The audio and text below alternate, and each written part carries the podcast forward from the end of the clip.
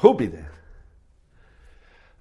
Aspaldiko garaietan, jainko asko omen zeuden. Bueno, orain bezala, ezta? Baina orduan bat zegoen, Jupiter.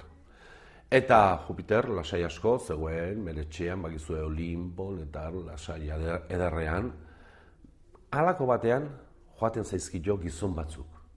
Halako sombreruekin, txaketa kruzatuak, urrezko gemeluak, ba, Rolexak, urrezkoak, benetazkuak, eta Jupiterren gana joan, eta saren omen diete. Ara, Jupiter, guk badakigu urreak aberastasunak ikartzen dituela.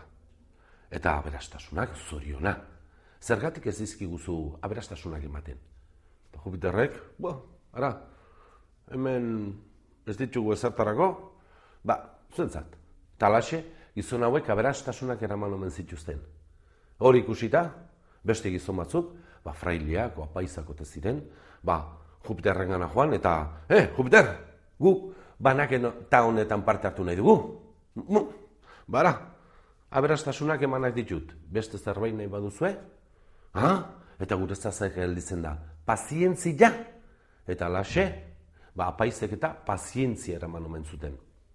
Hori ikusita, gainantzuko guztiak, ba, gizu arrantzaliak, baserretarren langilean, langabetuak, imigrantean, legalak, ilegalak, denak, herri asamblea bat deitu zuten. Herri asamblea! Badakizue, nola den herri asamblea bat, ezta? Eiz esatek txorak utxak, ni txorak egin izerri galanta, ni zerri galanta, jatak hau. Bueno, herri asamblea normal bat. Eta alaxe den artean erabaki zuten, Jupiterren gana joatea. Joan ziren, eta Jupiter, guk banak eta honetan parte hartu nahi dugu. Ba, aberastasunak banatuak ditut, eta ha, eta guretza zaik gelditzen da orduan. Pazientzia, ez? Pazientzia eta apaizek eraman dute. Hmm? Eta gure zer, kakazarra!